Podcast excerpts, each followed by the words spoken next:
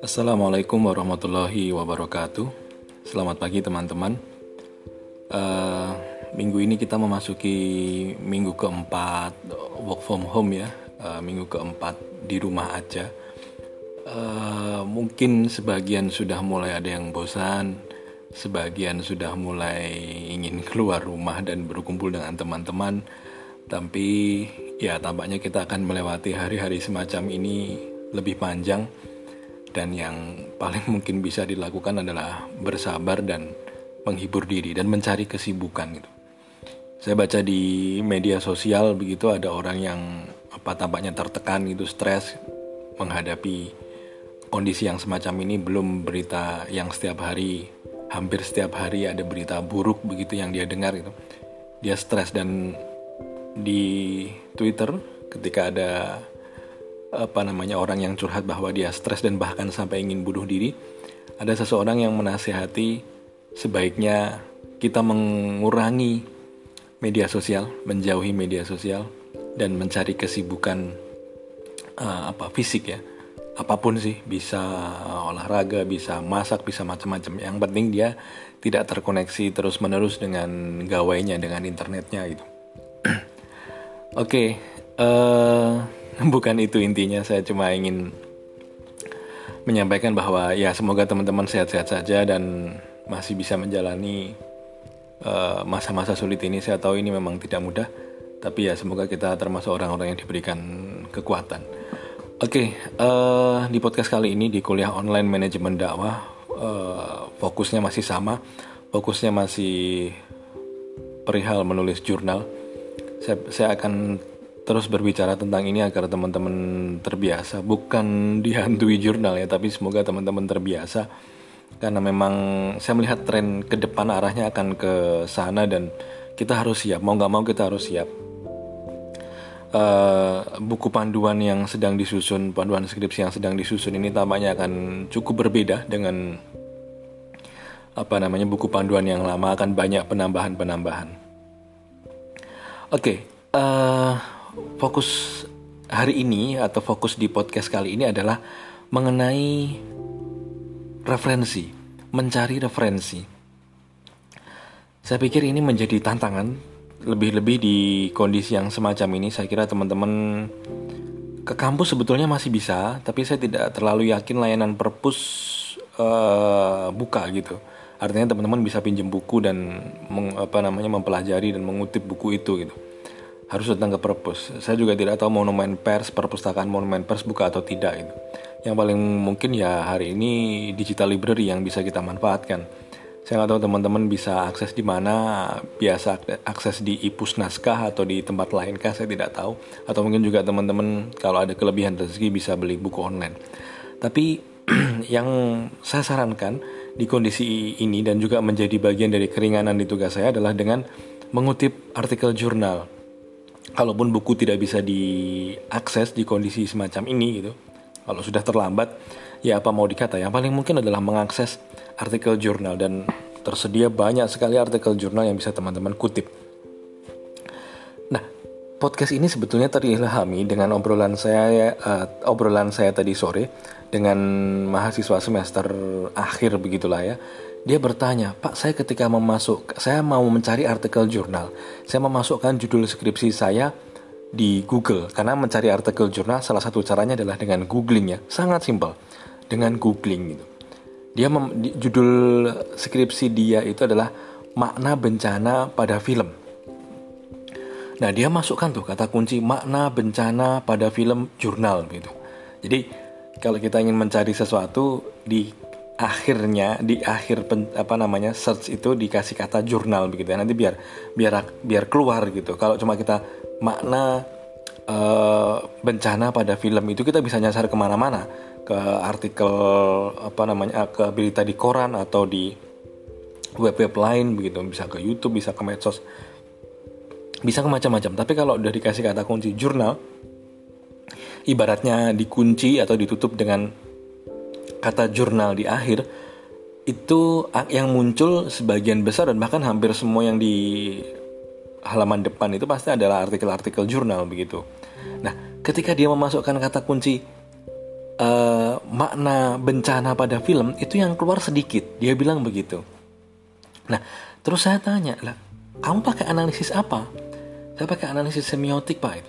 Loh, kata kuncinya diubah dong. Kata kuncinya diperkaya dong. Jangan hanya memasukkan judulnya, judul dari skripsimu saja gitu. Saya bilang begitu. Coba masukkan analisis semiotik film. Dan dia pakai analisis semiotiknya Roland Barthes ya. Dan itu banyak sekali. Atau dia memasukkan kata kunci yang lain. Analisis semiotik Roland Barthes Journal. Itu juga pasti keluar banyak sekali. Jadi, kunci yang pertama ketika ingin mencari referensi untuk artikel jurnal adalah dengan memperkaya kata kunci. Memperkaya kata kunci. Jadi sekreatif kita gitu. Misalnya saya uh, waktu itu meneliti tentang apa namanya uh, semiotik juga iklan politik. Saya pernah ceritakan ini di kelas iklan politik.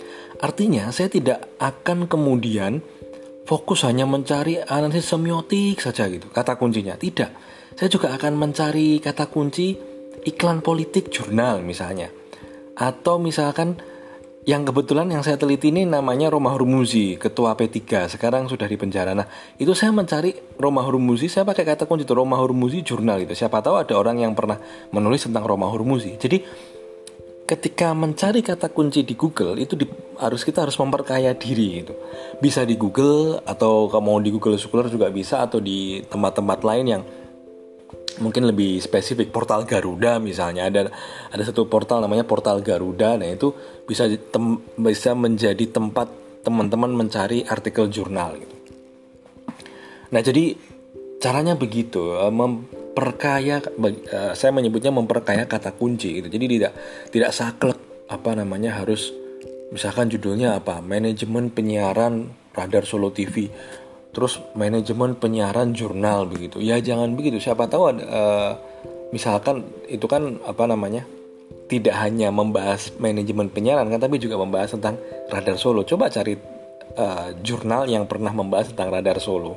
Nah saya pikir itu juga bisa dikutip gitu jadi jurnal itu bisa nanti bisa sangat kaya sekali uh, silakan teman-teman mengakses jurnal Al Balak dan mendownload artikel saya di situ, artikel yang saya tulis bersama Pak Samsul dan Pak Kris Bobo.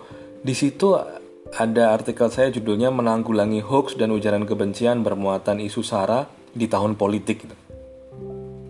Kalau teman-teman download artikel itu, teman-teman akan ketemu dengan referensi di bagian akhir. Daftar pustaka tentu di bagian akhir ya.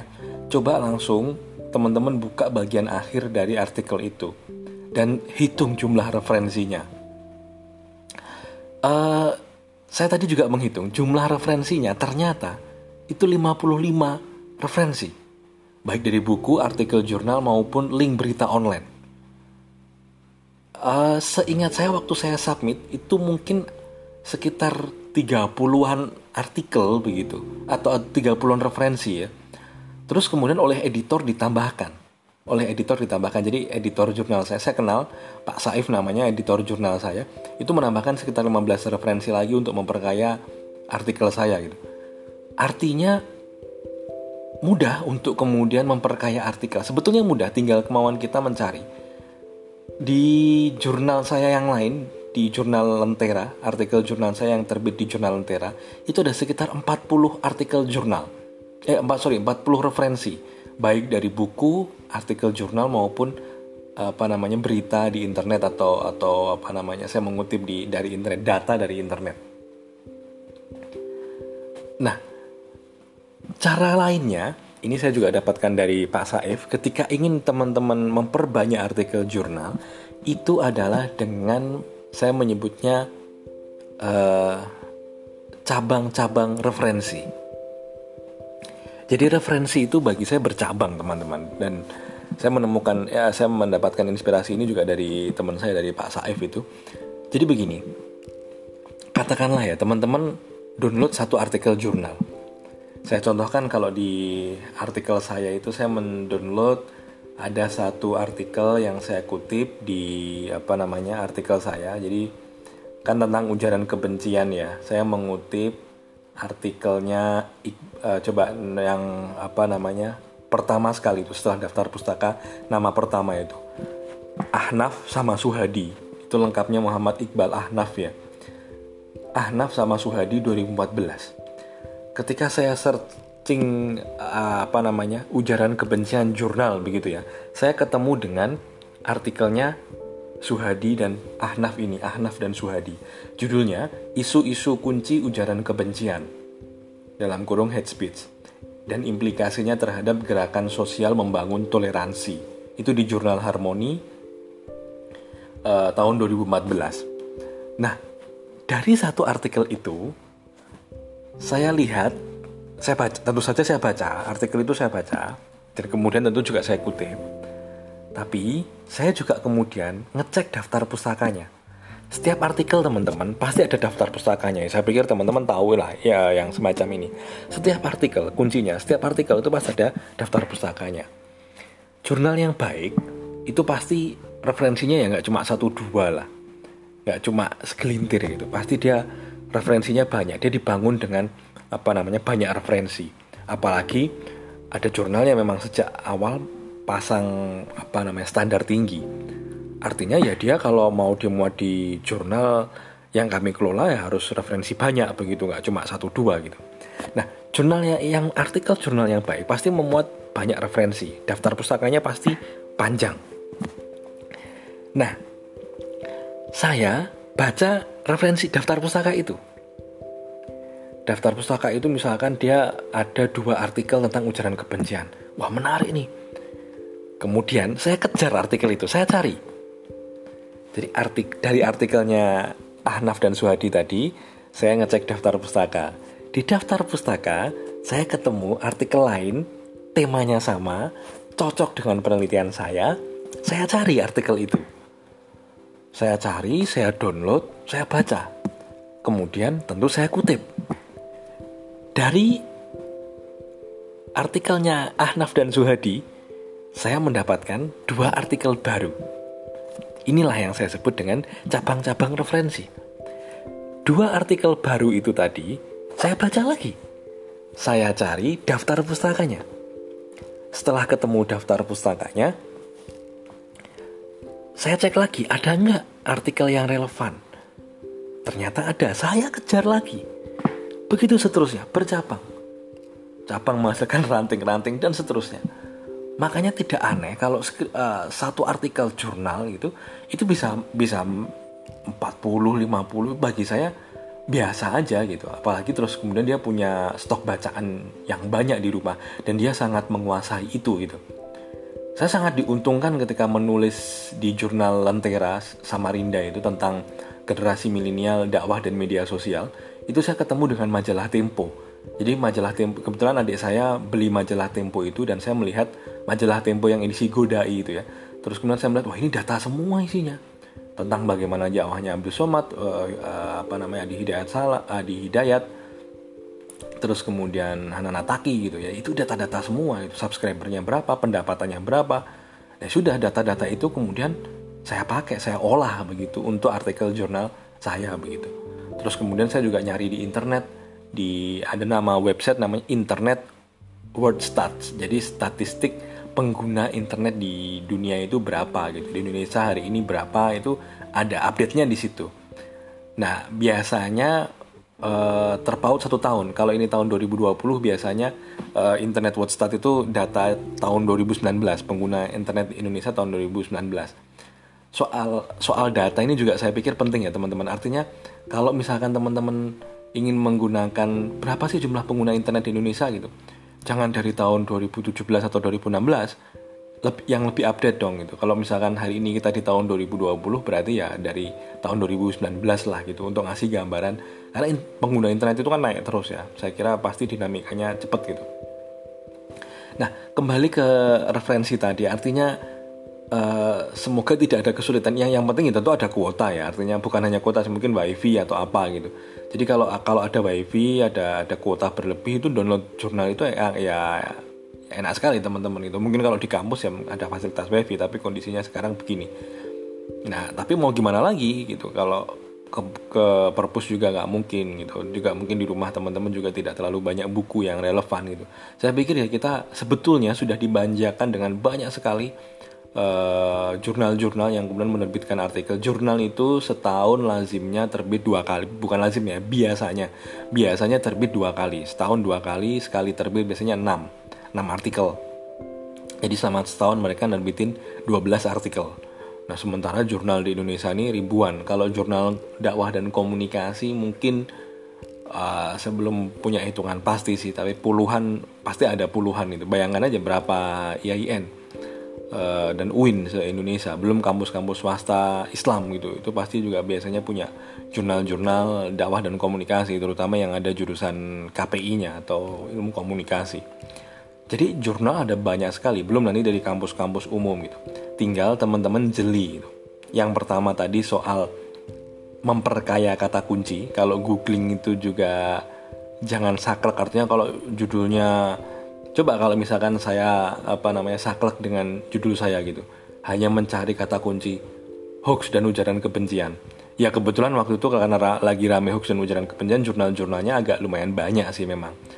Tapi kalau saya memperkaya lagi dengan kata kunci tahun politik gitu misalkan atau penggunaan hoax di tahun politik gitu itu itu akan semakin banyak ketemu jurnal yang yang beragam yang tetapi tetap relevan begitu ya.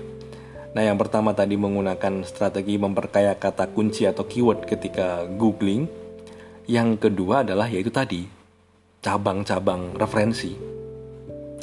Dari satu artikel jurnal bercabang-cabang ke banyak artikel jurnal yang lain terus kemudian seterusnya dan seterusnya dan seterusnya gitu. Kayak apa ya? Snowball gitu kayak bola salju yang semakin menggelinding semakin besar gitu. Atau apa? Gampangnya itu kayak MLM gitu loh. Jadi satu orang bisa rekrut tiga orang terus tiga orang ini masing-masing juga ngerekrut berapa? Tiga dan seterusnya dan seterusnya gitu. Itu kayak kayak kita mencari artikel jurnal tadi bercabang bercabang-cabang tadi. Dari satu jurnal kita dapat tiga jurnal baru yang bisa kita kutip. Dari tiga jurnal masing-masing juga menghasilkan dua misalnya ya. Dua jurnal yang bisa kita kutip. Jadi itu triknya itu tipsnya buat teman-teman yang hari ini sedang belajar di rumah yang sedang mengerjakan tugas di rumah. Itu akan sangat memudahkan kalian dalam mengerjakan tugas dan juga nanti waktu skripsi itu akan memudahkan. Tapi jangan lupa tetap diparafrase jangan dikutip apa adanya lima paragraf di copy terus ditempel ke jurnal kita ke tugas kita. Jangan tetap di parafrase diambil intinya. Intinya intinya apa sih jurnal ini? Pengen ngomong apa sih gitu. Nah itu di dipakai gitu. Sembari semakin banyak jurnal nanti teman-teman akan semakin terbiasa dengan dengan apa namanya artikel-artikel atau naskah-naskah gitu kita tuh sebenarnya mungkin wah menganggapnya sebagai momo atau sebagai sesuatu yang menyeramkan gitu ya karena kita belum terbiasa saja sebetulnya. Kita belum kenal aja. Tapi kalau kita sudah kenal gitu sama lah persepsi teman-teman dengan skripsi. Wah sepertinya menyeramkan sepertinya mengerikan sekali gitu. Tapi setelah kemudian kenal dan menjalani ya sudah ya biasa ya nggak ada nggak ada persoalan. Ternyata gampang-gampang aja gitu kan mengerjakan skripsi atau mengerjakan artikel jurnal itu. Teman-teman nanti akan sampai pada tahap itu gitu sampai pada tahap apa ya uh, pemaknaan-pemaknaan yang semacam itu. Karena tidak semua yang kita takutkan itu benar-benar terjadi atau bahkan tidak akan terjadi itu itu hanya perasaan kita saja. Oke saya kira itu podcast uh, kali ini. Semoga membantu teman-teman dalam mengerjakan tugas. Apa pun sih bisa ilmu dakwah atau tugas-tugas lain yang berkaitan dengan jurnal dan mensyaratkan adanya referensi Semoga bermanfaat. Terima kasih sudah menyimak podcast saya. Assalamualaikum warahmatullahi wabarakatuh.